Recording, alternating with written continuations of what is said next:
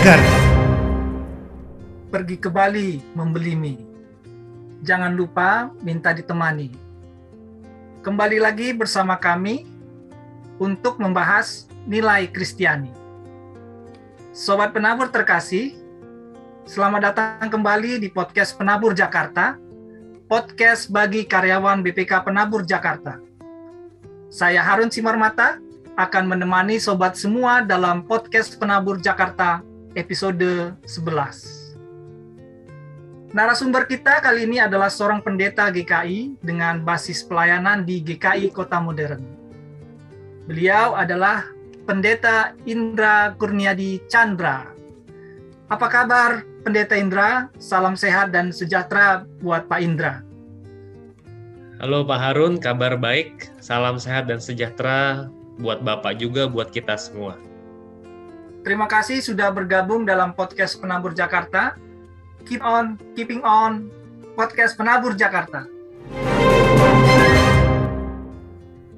Sobat Penabur, dalam episode kali ini kita akan membahas akronim yang kelima dari profil penabur, yaitu Believe in God.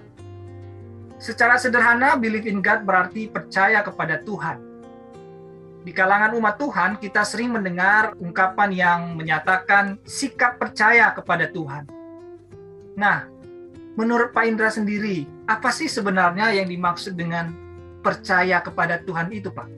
Iya, uh, terima kasih Pak Harun. Saya mungkin akan berangkat dari Yakobus 2 19. Di situ ada satu kalimat yang cukup menarik, setan juga percaya. Gitu ya. Jadi setan itu percaya bahwa Allah itu esa gitu. Setan itu percaya uh, the existence of God, uh, keberadaan Allah. Nah kalau gitu apa bedanya kepercayaan kita sama kepercayaan setan? Yang saya pahami mengenai belief atau percaya, iman itu memiliki tiga aspek. Notisia, asensus, fidusia. Saya menerangkan ini dengan ilustrasi yang sederhana, jadi saya suka pakai ilustrasi cinta. Cinta itu juga tiga aspek. Aspek pertama orang itu tahu bahwa cinta itu ada gitu. Orang-orang yang jomblo. Jadi dia tahu bahwa cinta itu ada. Yang kedua lebih dalam, orang yang tahu cinta itu ada dan orang yang lagi jatuh cinta. Jadi dia punya ketertarikan, dia punya perasaan bangun tidur dia mikirin apa namanya figur sosok itu. Tapi belum jadian gitu kan. Dan yang ketiga dari cinta itu adalah orang yang bukan hanya tahu bahwa cinta itu ada merasakan cinta tapi dia hidup dia menghidupi cinta itu. Dia sudah mulai sacrifice ya. Dia masuk dalam hidup rumah tangga yang diikat dengan komitmen. Dia harus nganterin istrinya sewaktu hujan ada sacrifice pengorbanan. Misalnya punya baby, anaknya bangun jam 3 pagi yang ganti popoknya siapa nih? nah, jadi menurut saya belief itu masuk dalam aspek yang ketiga itu. Jadi nggak cuma sekedar percaya. Setan juga percaya Tuhan itu ada dan dia gemetar. Tetapi kita harus sampai kepada level submission sehingga iman percaya kita itu benar-benar otentik gitu kita mau melakukan firman Tuhan. Nggak cuma sekedar tahu bahwa Tuhan itu ada gitu. Jadi buat saya belief itu menusuk sampai di aspek yang ketiga tadi. Begitu Pak Harun. Menarik sekali ya penjelasan dari Pak Indra. Tadi Pak Indra mengatakan bahwa percaya kepada Tuhan itu ada tiga aspek ya Pak. Dianalogikan tadi seperti cinta ya. Percaya cinta itu ada lalu juga bagaimana merasakan cinta itu. Betul. Lalu yang ketiga adalah bagaimana menghidupi cinta itu. Begitu ya Pak tadi ya? Betul. Nah, Pak Indra, di dalam definisi belief in God ada disebutkan tentang sikap hidup yang mengandalkan Tuhan dalam seluruh aspek kehidupan kita. Mungkin Pak Indra juga dapat menjelaskan sikap hidup yang mengandalkan Tuhan itu sikap hidup yang seperti apa, Pak? Misalnya begini ya, Pak. Kadang orang ketika dalam suatu persoalan, nah dia dengan cepat-cepat mengandalkan Tuhan begitu. Apakah seperti itukah sikap hidup yang mengandalkan Tuhan, Pak? Boleh dijelaskan?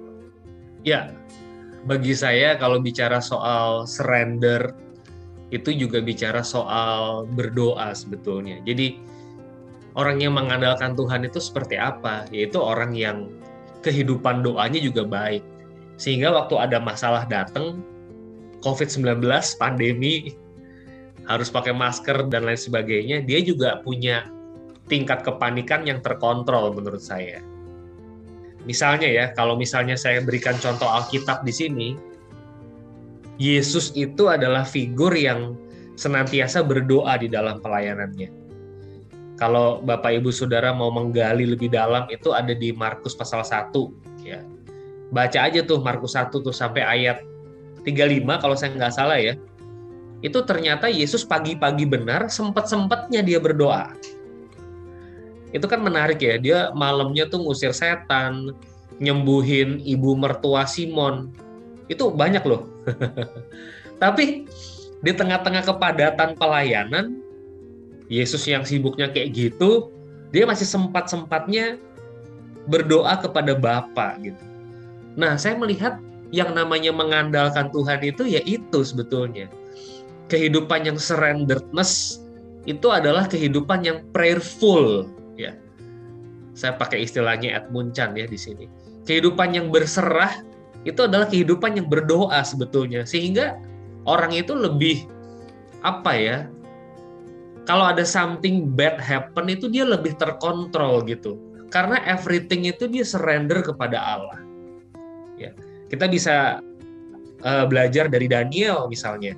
Daniel berdoa sehari tiga kali dan tidak dijumpai yang buruk kecuali doanya itu. Lucu ya bapak ibu ya. Jadi orang ini nggak punya kesalahan kecuali doa. Aneh gitu. Artinya dia orang yang sungguh sungguh-sungguh berserah dan bersandar sama Tuhan. Ya. Jadi saya melihat kehidupan yang mengandalkan Tuhan itu kehidupan doanya itu pasti baik. Nanti waktu badai masalah datang, ya dia akan lebih mampu mengontrolnya menurut saya. Mungkin begitu, Pak Harun. Benar sekali yang Pak Indra sampaikan tadi bahwa sikap mengandalkan Tuhan itu merupakan sikap hidup yang sepatutnya diperlihatkan oleh seluruh umat percaya. Tadi Pak Indra mengatakan bahwa e, orang yang mengandalkan Tuhan itu mempunyai sikap berserah dan berdoa. Nah, karena dua sikap itu, yaitu berserah dan berdoa, sehingga ketika orang yang menghadapi persoalan, adalah orang yang dapat mengendalikan persoalan itu. Orang yang dapat mengendalikan kepanikannya. Seperti itu tadi Pak Indra. Betul, betul sekali Pak. Ya, apalagi tadi Pak Indra menambahkan contoh atau teladan dari tokoh-tokoh yang tadi Bapak sampaikan. Itu menjadi inspirasi bagi kita semua. Nah, Pak Indra, di dalam bekerja kita sering menghadapi berbagai situasi konflik. Ada gesekan-gesekan yang terjadi ada dinamika dalam berelasi dengan rekan sekerja atau rekan kerja yang lain. Bagaimana sebaiknya kita memahami dan menghidupi sikap belief in God ini di tengah situasi seperti yang saya sebutkan tadi, Pak? Iya, pertanyaan ini mengingatkan saya pada kisah Yusuf, Bapak Ibu Saudara.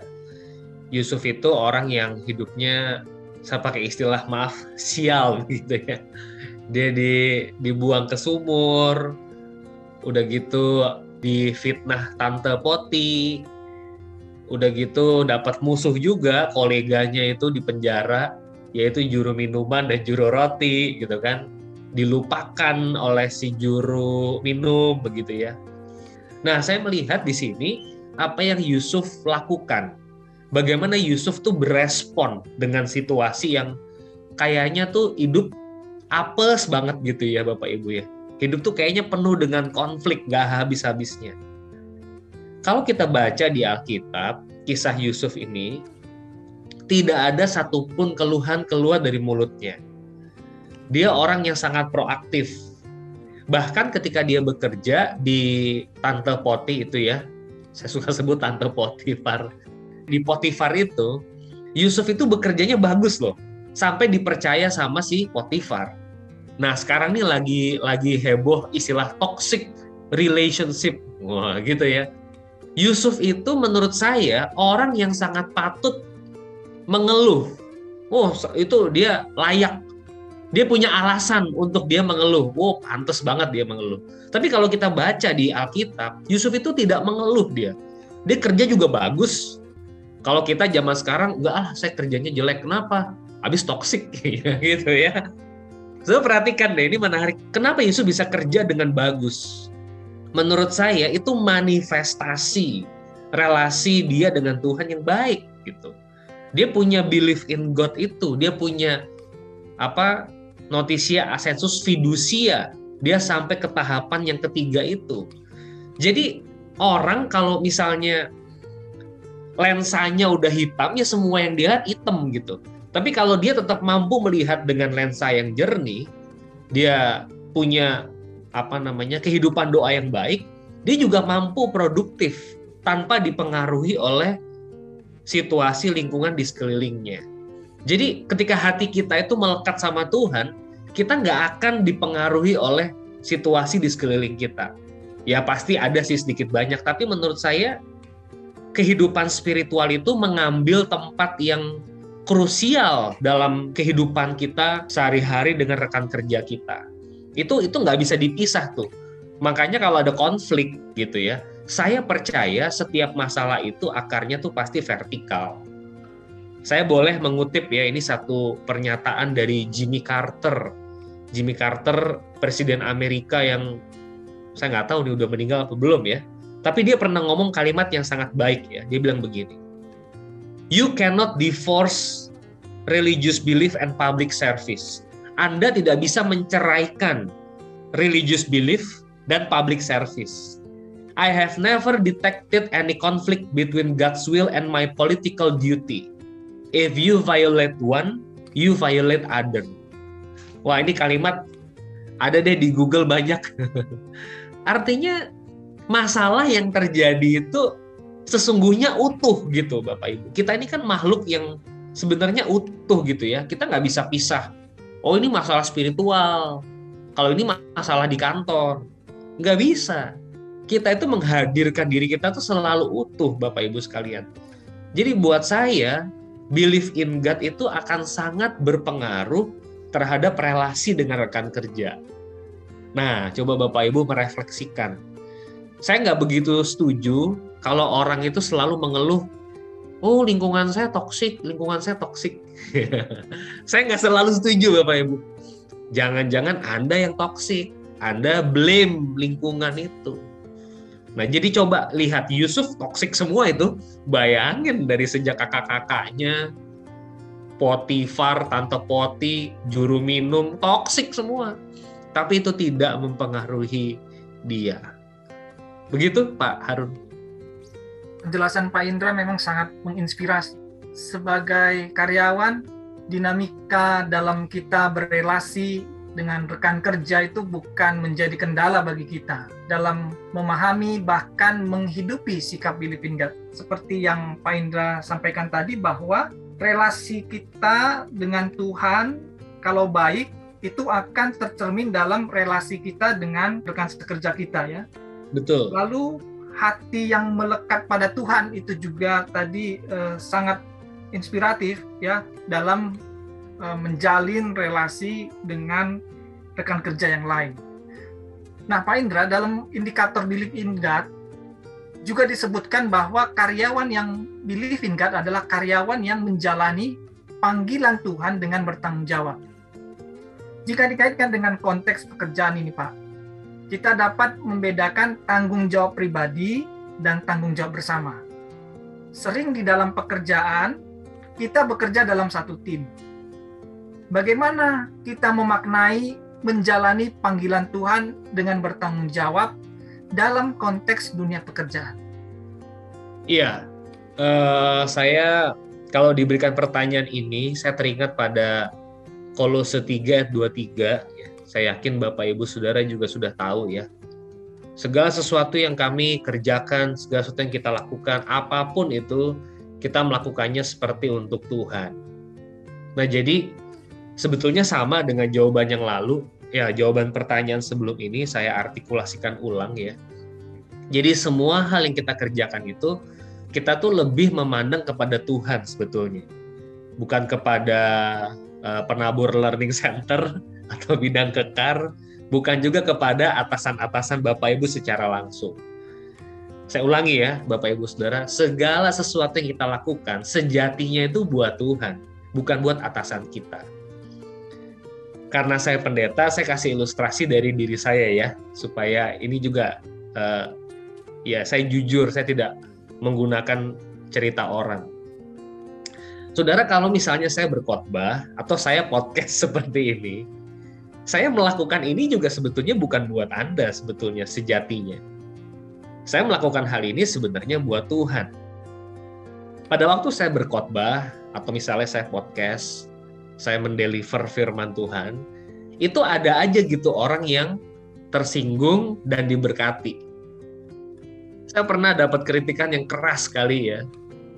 Uh, tidak bisa saya jelaskan di sini, tapi intinya dia nggak suka gitu dengan pesan yang saya sampaikan. Sampai dia menyebutkan masalah-masalah dirinya. Bapak tahu nggak gini gini gini? Bapak tahu nggak gini gini gini? Lah, ya kan saya nggak tahu. Orang saya nggak kenal Anda kok saya baru tahu Anda, baru tahu masalahnya seperti itu.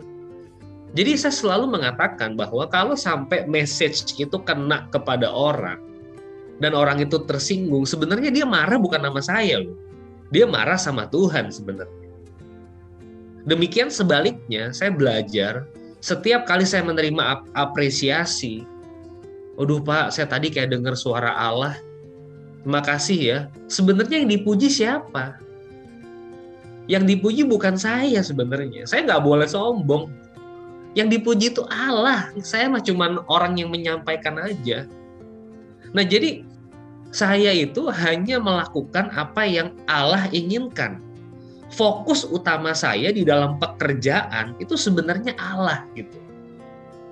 Saya percaya buat Bapak Ibu guru, staf, rekan-rekan dari BPK Penabur, keluarga besar, anda pun sama. Anda melakukan semuanya itu buat Tuhan sebetulnya.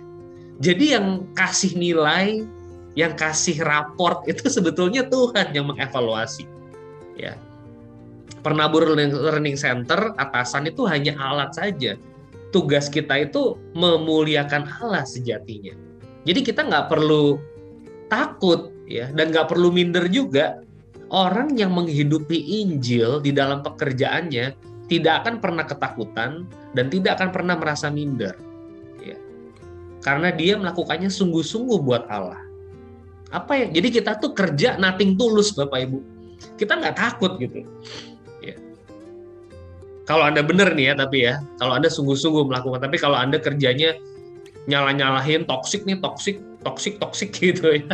Saya agak capek mendengar itu terus terang akhir-akhir ini ya berarti Anda yang toksik. Tapi kalau kita melakukan dengan benar, kita all out, kita jaga hubungan sama Tuhan, saya percaya kita nggak akan jatuh pada keminderan, kita nggak akan jatuh pada kesombongan.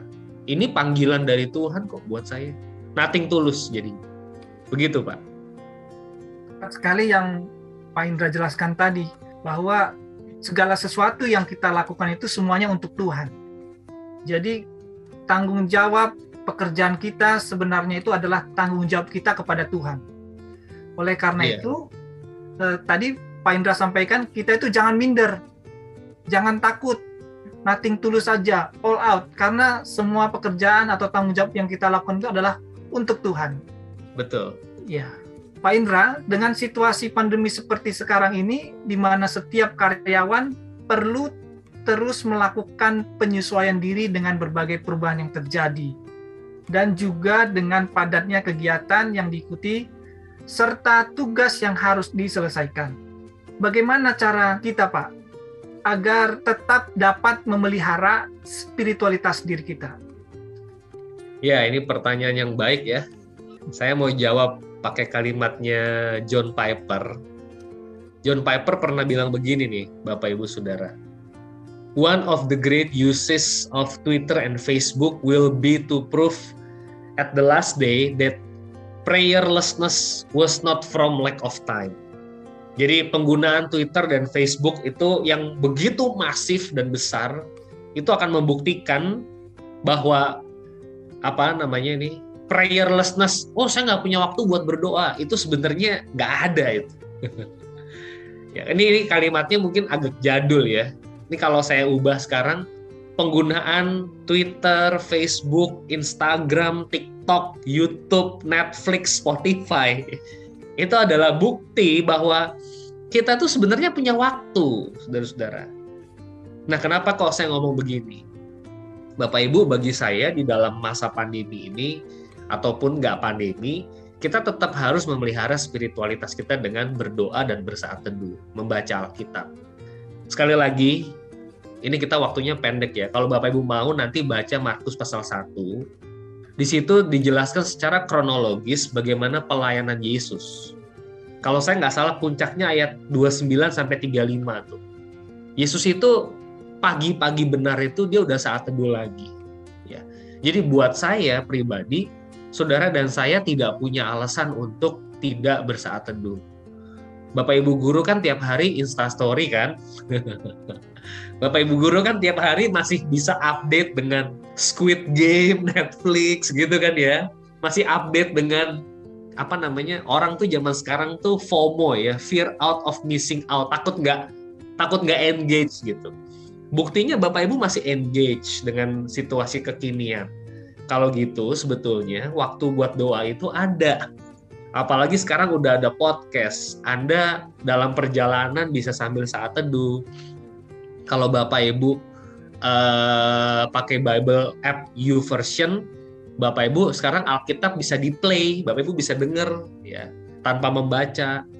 Jadi buat buat saya pribadi kalau Anda betul-betul mengasihi Tuhan selalu menemukan alasan kok dan menemukan waktu buat berdoa saya curiga orang yang tidak mau berdoa dan bersaat teduh memang memang nggak mau sebetulnya gitu. Mohon maaf ya, kayak iblis itu dia gemetar aja, dia tahu Tuhan ada, tapi nggak sampai ke fidusia, nggak sampai ke melakukan firman, nggak sampai membaca Alkitab. Hati-hati Bapak Ibu kalau kita sukanya cuman berdoa nggak baca Alkitab. Tremper Longman itu seorang teolog bilang kita tuh hanya ngomong aja sama Tuhan, tapi nggak pernah mendengar suara Tuhan. Doa itu, kehidupan spiritual itu sebetulnya dialogis, nggak monolog. Kalau kita sungguh mempraktekannya, kita juga mendengar suara Tuhan, kita diberkati. Dan saya percaya akhirnya kita akan sustain di dalam lingkungan yang toksik sekalipun. Ya, jadi nggak ada alasan untuk tidak melakukan saat teduh. Banyak cara YouTube, Spotify juga bisa dipakai. Mungkin begitu, Pak Harun. Ya, Pak. Pak Indra sudah membagikan banyak hal eh, tentang belief in God.